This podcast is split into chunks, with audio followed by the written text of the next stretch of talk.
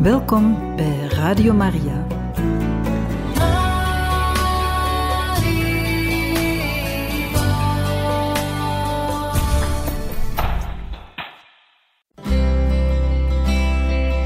Welkom bij Boekat, een programma van Radio Maria.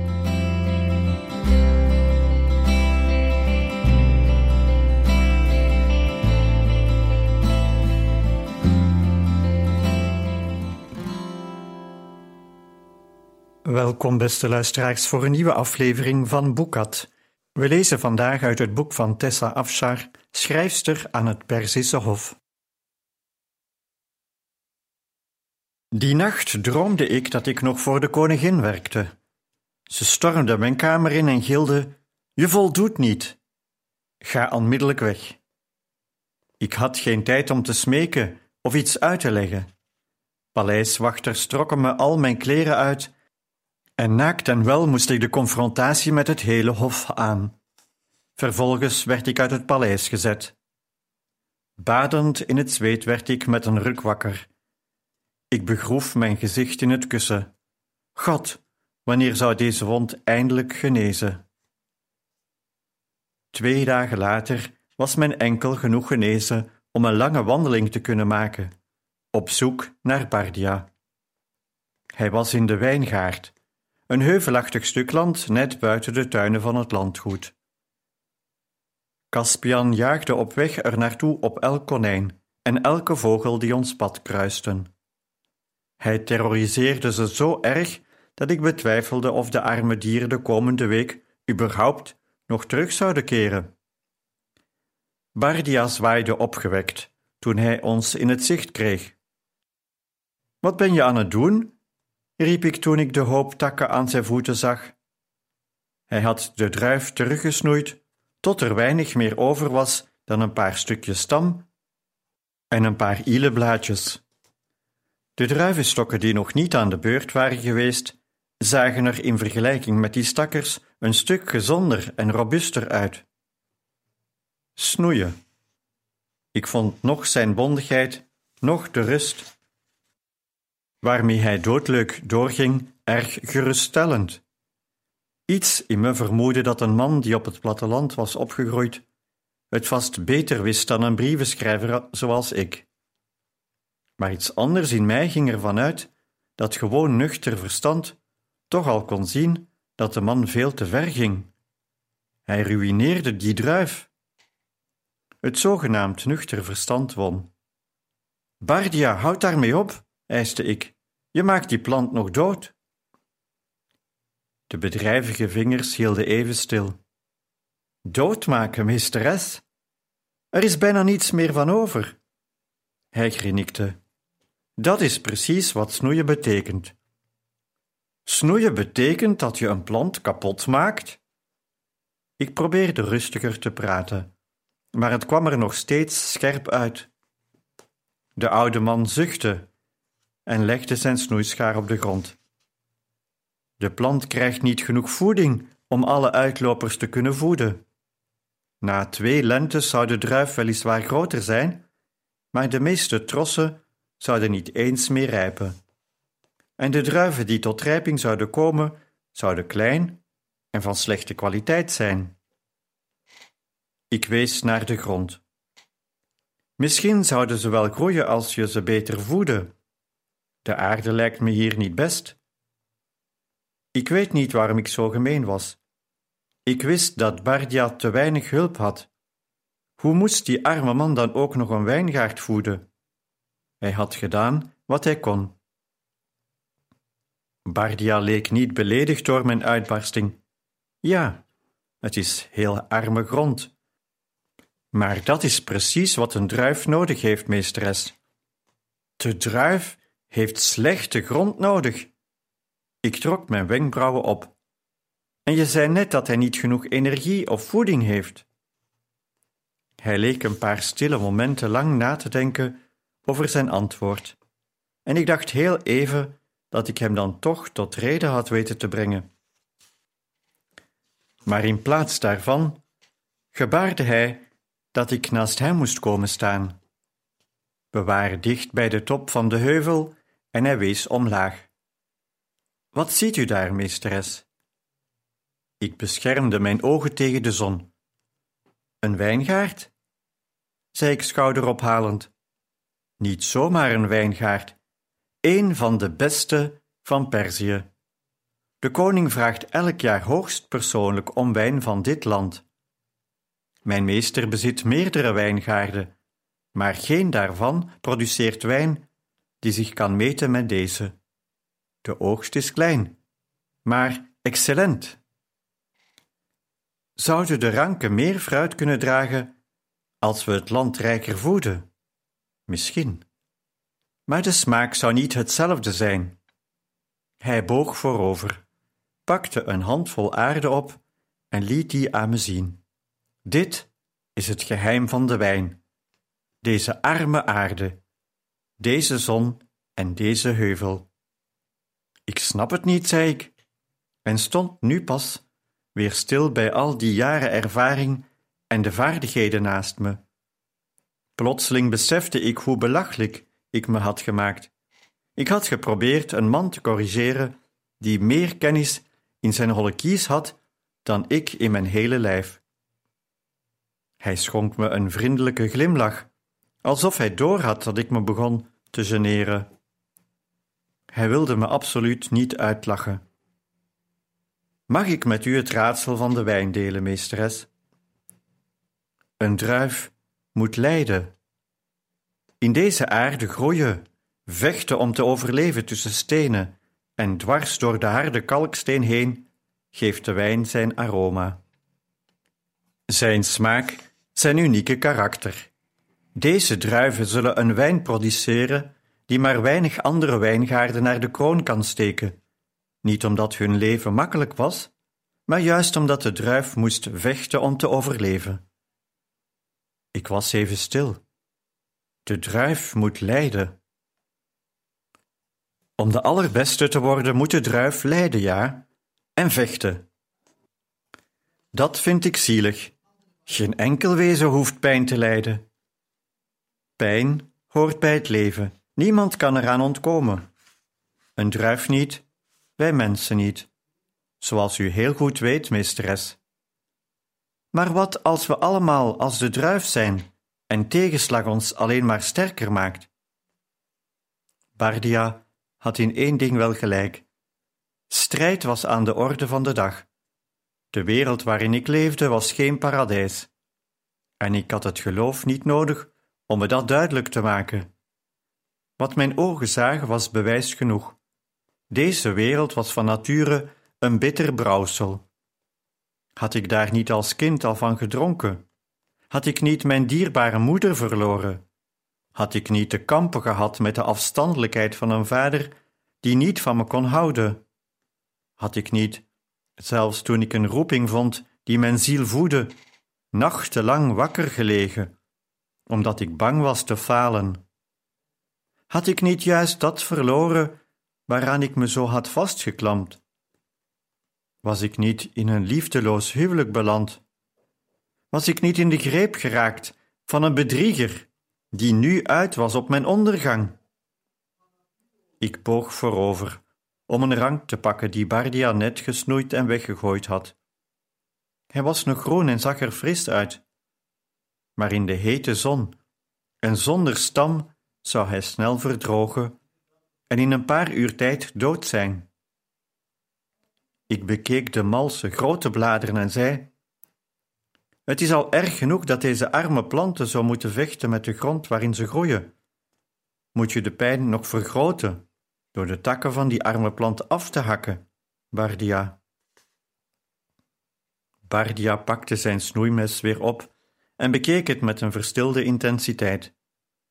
Het lemmet glom in het zonlicht van als een ster. U moet bedenken, meesteres, dat ik de tuinman ben en weet wat de druif nodig heeft om te gedijen. U ziet alleen het snoeien. Maar ik, ik doe dat om de druif te stimuleren. Ik neem weg om te verrijken. U ziet daar een afgeknipte wijnrank in uw hand. Maar ik weet dat ik de druif daarmee een rijker leven heb geschonken. Zonder dat hij het doorhad, raakte Bardia's woorden me zeer. Als Jodin geloofde ik in God, een God van hemel en aarde, een schepper met volmaakte macht. En die God, in een metafoor waarvan Bardia geen weet had, werd soms de tuinman genoemd, en Israël zijn wijngaard. Twee dingen drongen diep tot me door terwijl Bardia me over de wijn vertelde. Om te beginnen, dat lijden het karakter van de druiven verbeterde. Volstrekte rust en gemak zouden het fruit aantasten. Als mijn leven in enig opzicht op die druif leek, dan hoefden de tegenslagen in mijn leven mij niet kapot te maken. Ze zouden juist mijn verlossing kunnen zijn. Maar ook dat Bardia, de tuinman bij uitstek, de tedere verzorger, de man van wie deze planten afhankelijk waren om te overleven, in het juiste seizoen in de druif hakte en sneed. Hij vergrootte het lijden zelfs nog. Hij nam alles weg, vanuit mijn oogpunt tenminste, tot er nauwelijks nog leven in zat. En toch had de wijn die harde behandeling nodig. Bardia zei dat hij pijn deed om te stimuleren, dat hij wegnam om te verrijken.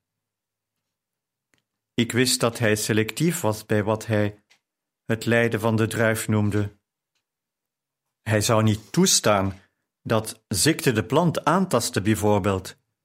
En ook onkruid moest het niet wagen in de buurt te komen. En hij had dan misschien te weinig hulp. Er was geen ongedierte op de druiven te zien. Hij wist wat te vernietigen, wat te verbeteren, wat te beschermen. Als Israël Gods wijngaard was, was ik dan een van zijn kleine druiven? Was hij de bardia van mijn ziel? Beschermde hij me voor wat mij te gronden zou richten? Nam hij bij mij weg, opdat ik een rijker leven zou leiden? Zou ik op een dag fruit dragen dat een koningstafel waardig was? Die gedachte raakte me diep, en ik knipperde snel de tranen in mijn ogen weg. Ik pakte de stervende wijnrank zo stevig beet dat mijn vingers wit wegtrokken. Dit was het leven dat ik wilde. En God had het me afgepakt. Ik wilde helemaal geen wilderiger fruit. Ik wilde alleen maar terug wat ik vroeger had. Terwijl we op Gobrist terugkeer wachten, bedacht ik een plan. We moesten zoveel mogelijk over Thijsbes uitvinden als we maar konden. Zijn gewoontes, zijn connecties en zijn bezigheden zouden ons aanwijzingen kunnen geven over het mysterie rond het slechte beheer van het landgoed, wat ons bij de maandagen bracht. Waar was Thijsbes dan urenlang? En met wie? De enige manier om daarachter te komen was hem te volgen. Ik kon niet iedereen meenemen. Een hele meute die achter hem aan hobbelde, zou hij gelijk doorhebben. Maar ik durfde evenmin alleen te gaan, voor het geval er iets misging en iemand hulp moest gaan halen. Uiteindelijk nam ik Bardia mee en wist Pari en Susan ervan te overtuigen thuis te blijven. Ze konden hulp gaan zoeken als we niet terug zouden komen. Zondagnacht kon ik niet slapen. De uren tikten weg terwijl ik de geldigheid van mijn gevaarlijke plannetje woog. Thijspes was geen man om mee te sollen, en ik wist dat hij gevaarlijk kon zijn.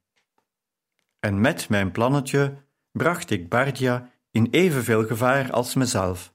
Voor wat? Het betrappen van een oneerlijke rentmeester, als de toestand van zijn landgoed mijn echtgenoot niets kon schelen, waarom mij dan wel? Maar het ging niet om het landgoed, noch om het geld. Dit ging om het welzijn van, nou ja, van mijn vrienden.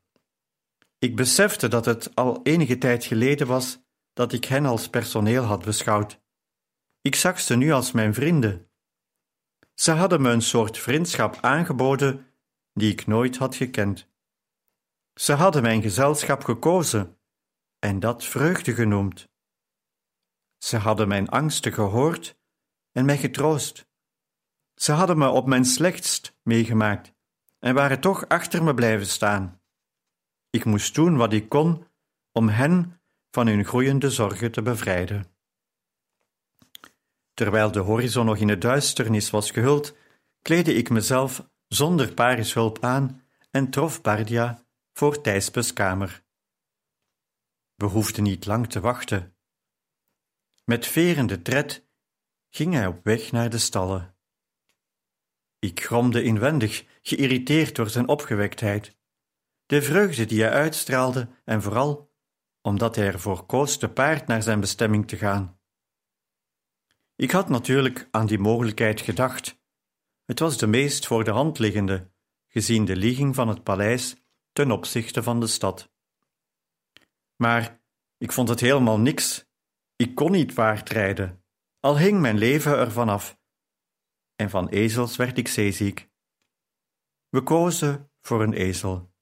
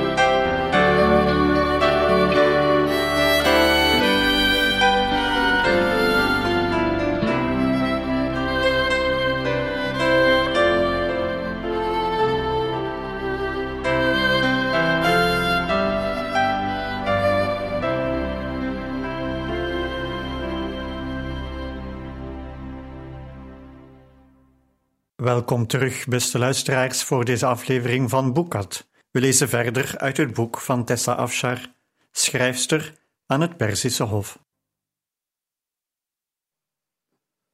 We hoefden ons tenminste geen zorgen te maken over reisdocumenten. Waar we woonden werd als een voorstad van Persepolis beschouwd. Bardia en ik deelden een meegaand dier en volgden Thijspes op veilige afstand. Bardia, die gewend was op het mormel te rijden, zat voorop en probeerde de koppigheid van het dier in toom te houden. Ik zat achter hem, mij vastklampend aan het magere middel van de tuinman, biddend dat ik er niet vanaf zou vallen. Tegen de tijd dat Thijspes het centrum van Persepolis bereikte, was de zon in het oosten aan het opkomen en straalde als een koninklijke kroon. Maar al die pracht ging aan mij voorbij. Ik had maar één verlangen: dat de rentmeester zijn mysterieuze bestemming snel bereikte, zodat ik van dit wiebelbeest kon afstappen. Mijn wens ging al snel in vervulling. In een winkelstraat bracht Thijsbus zijn paard tot stilstand en overhandigde de teugels aan een knul die hem al op stond te wachten. Bardia en ik stopten een heel stuk terug, uit angst dat hij ons zou zien. Thijspes leek zich echter totaal niet bewust van onze aanwezigheid en beklom een stel houten treden naar de bovenste verdieping van een gebouw. Ik deed een stap achteruit en bestudeerde de straat. In veel van de lagere gebouwen waren eenvoudige winkels gevestigd, pottenbakkerijen, schoenmakers, tavernes. De bovenverdiepingen leken me bewoond. Het was geen chique buurt, maar ook geen goedkope. De gebouwen waren goed onderhouden, de straten waren ruim en schoon, met voor veel winkels plantenpotten met bont bloeiende bloemen. Wacht hier, instrueerde ik Bardia. Hij volgde me letterlijk op de voet. Ik rolde met mijn ogen. Goed, maar wees stil en onderbreek me in geen geval, wat ik ook zeg. Een verdieping onder de kamers waar Thijsbes naartoe was gegaan, deed een gezette winkelier net zijn winkeltje open. Cosmetica. Wat geweldig. Het enige cosmetische product dat ik kende was kool, en ik had wel eens de dienstmeisjes van de koningin een hele voorraad zwart poeder zien maken dat gebruikt werd om de ogen zwart te omranden. Met een ongelooflijk geduld hadden ze amandelen en pistachenoten één voor één gebrand. De roet werd verzameld op de bodem van een kleie pot en vervolgens losgeschraapt om als kool te gebruiken. Hebt u ook kool? Van amandelen gemaakt, bedoelde ik dan, en vers, zei ik en probeerde te klinken of ik wist waar ik het over had. Ik heb 23 variëteiten, mevrouw. Welke wilt u? Ik verslikte me bijna. 23 variëteiten. Hoeveel manieren konden er in vredesnaam zijn om een amandel te verkolen? Ik wees op goed geluk naar een zilveren amfora, klein genoeg om niet een fortuin te kosten. De man noemde een prijs waar ik me bijna weer van verslikte. Na nog een paar pogingen en enig afdingen was ik uiteindelijk de trotse bezitter van kool die ik niet nodig had. Maar mijn winkelier zat op zijn praatstoel, en dat was precies wat ik nodig had. Ik ben op zoek naar kamers in de stad. Een vriendin zei me dat het verblijf boven uw winkel mogelijk beschikbaar is. Die, de winkelier zette zijn ronde hoed recht. Die is bewoond, hoor. U bent verkeerd geïnformeerd. Weet u het zeker? Mijn vriendin leek toch heel zeker te weten dat het vrijkomt. Van ze leven niet. Die kamers wordt bewoond door Aspasia. Die heeft het goed geregeld, die vrouw. Ze is misschien een courtisanne, maar ze heeft maar één klant. En die zorgt goed voor haar, heus. U hebt hem toevallig net gemist, hij is boven. Pardia schraapte zijn keel. Ik porde hem met mijn elleboog in de zij en hij viel stil. Is ze een hetere? Is ze een hetare? Weet je of ze assistentie nodig heeft? Ik kan altijd een partner gebruiken. Bardia begon nu luid te kuchen. Ik sloeg hem op zijn rug. Alles goed met hem? vroeg de winkelier. Oh ja, hoor. Hij wordt een dagje ouder, weet u. Zo moeilijk om vandaag de dag goed personeel te vinden, zei ik snel. Om terug te komen op die Aspasia. Juist ja, u wilde weten of ze een partner nodig heeft. Ik betwijfel het. Heeft ze ook helemaal niet nodig. Met haar bezoeker met zijn paardengezicht. Hij komt hier minstens één keer per week op maandag langs, ongeacht het weer. En nog vaker als hij de kans ziet. Hij betaalt voor alles: haar huur, haar kleren, haar eten. Waarom zou zo iemand een partner zoeken? Met brutale blik nam hij me van top tot teen op. Maar als je een beschermer zoekt, ik ben best geïnteresseerd in een klassemeid als jij. Hoe liggen je prijzen? Het was de eerste keer in mijn leven dat iemand me zoiets vroeg. Maar ik had het vast onbedoeld uitgelokt. Ik wist niet of ik beledigd of gevleid moest zijn. Het leek mij schier onmogelijk dat een man daadwerkelijk erin geïnteresseerd zou zijn mij te betalen voor wat aandacht. Nog voor ik kon antwoorden, deed Bardia een stap naar voren. Daar moet u het met mij over hebben, en ik heb vandaag geen tijd. Vervolgens pakte hij me bij de hand en trok me achter zich aan, tot we bij onze mottige ezel waren. Hij schoof me op de rug van het beest en ging voorop zitten, nog voor ik mijn nieuwe aanbidder zelfs maar gedag kon zwaaien. Hij reed zo snel naar huis dat mijn tanden bijna uit mijn mond trilden. Terwijl hij thuis door de stallen beemde, mompelde hij iets onverstaanbaars. Ik kon het niet volgen, maar ving wel iets op over zijn lot. Als heer Darius hier ooit achterkwam. Ik volgde hem zonder iets te zeggen. Ik zag dat mijn schouders schokten, maar hij hoestte niet. Jullie zijn al terug, riep Pari, zodra ze ons naar de keuken zag lopen. Niet vroeg genoeg, verzuchtte Bardia. Ze was bijna door een of andere winkelier als courtisanne ingehuurd. Wat? Ik probeerde hem informatie te ontlokken en het werkte. Wat hebt u dan ontdekt? vroeg Susan. We vertellen alles als we iets te eten krijgen, antwoordde ik. Minuten geleden was ik nog zo zeeziek van die ezel geweest dat de gedachte aan eten me al onderuit zou hebben gehaald. Nu, met beide voeten stevig aan de grond en bevrijd van alle spionagespanning, herinnerde mijn maag mij eraan dat ik sinds gistermiddag niets meer had gegeten. De hiërarchie tussen ons vergaten we maar even en we genoten met z'n allen een eenvoudig maal van schapenkaas, warm brood en hete linzen met uien, terwijl Bardia en ik onze kameraden bijpraten. Pari floot. Wat een rokkenjager, zeg, die griezel. Een vrouw in Ekbatana. Een liefje in Persepolis. Waar haalt hij de tijd vandaan?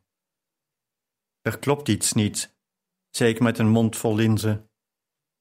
Dat snappen we allemaal, antwoordde Susan. Nee, ik bedoel echt niet.